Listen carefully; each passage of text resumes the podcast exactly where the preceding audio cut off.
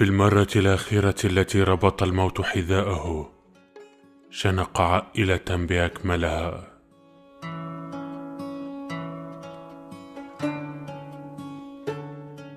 يستمر خطيب الجمعة بالتأكيد أن كل أطراف الحرب سيذهبون إلى الجحيم.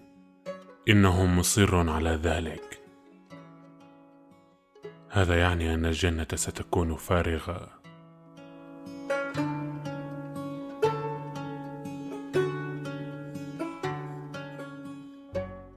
الفتاة التي عادت من الجامعة خلعت عينيها ووضعتهما على الطاولة.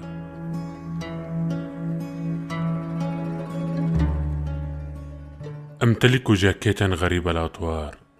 يظن الدولاب زنزانا والمعاليق مشانقا. مسمار الحائط طعنا. في كل مرة يطلب مني وضعه على الطاولة. أمام الشمعة المضيئة. يضع كفه على خده ويبدأ بالتفكير. بماذا يفكر؟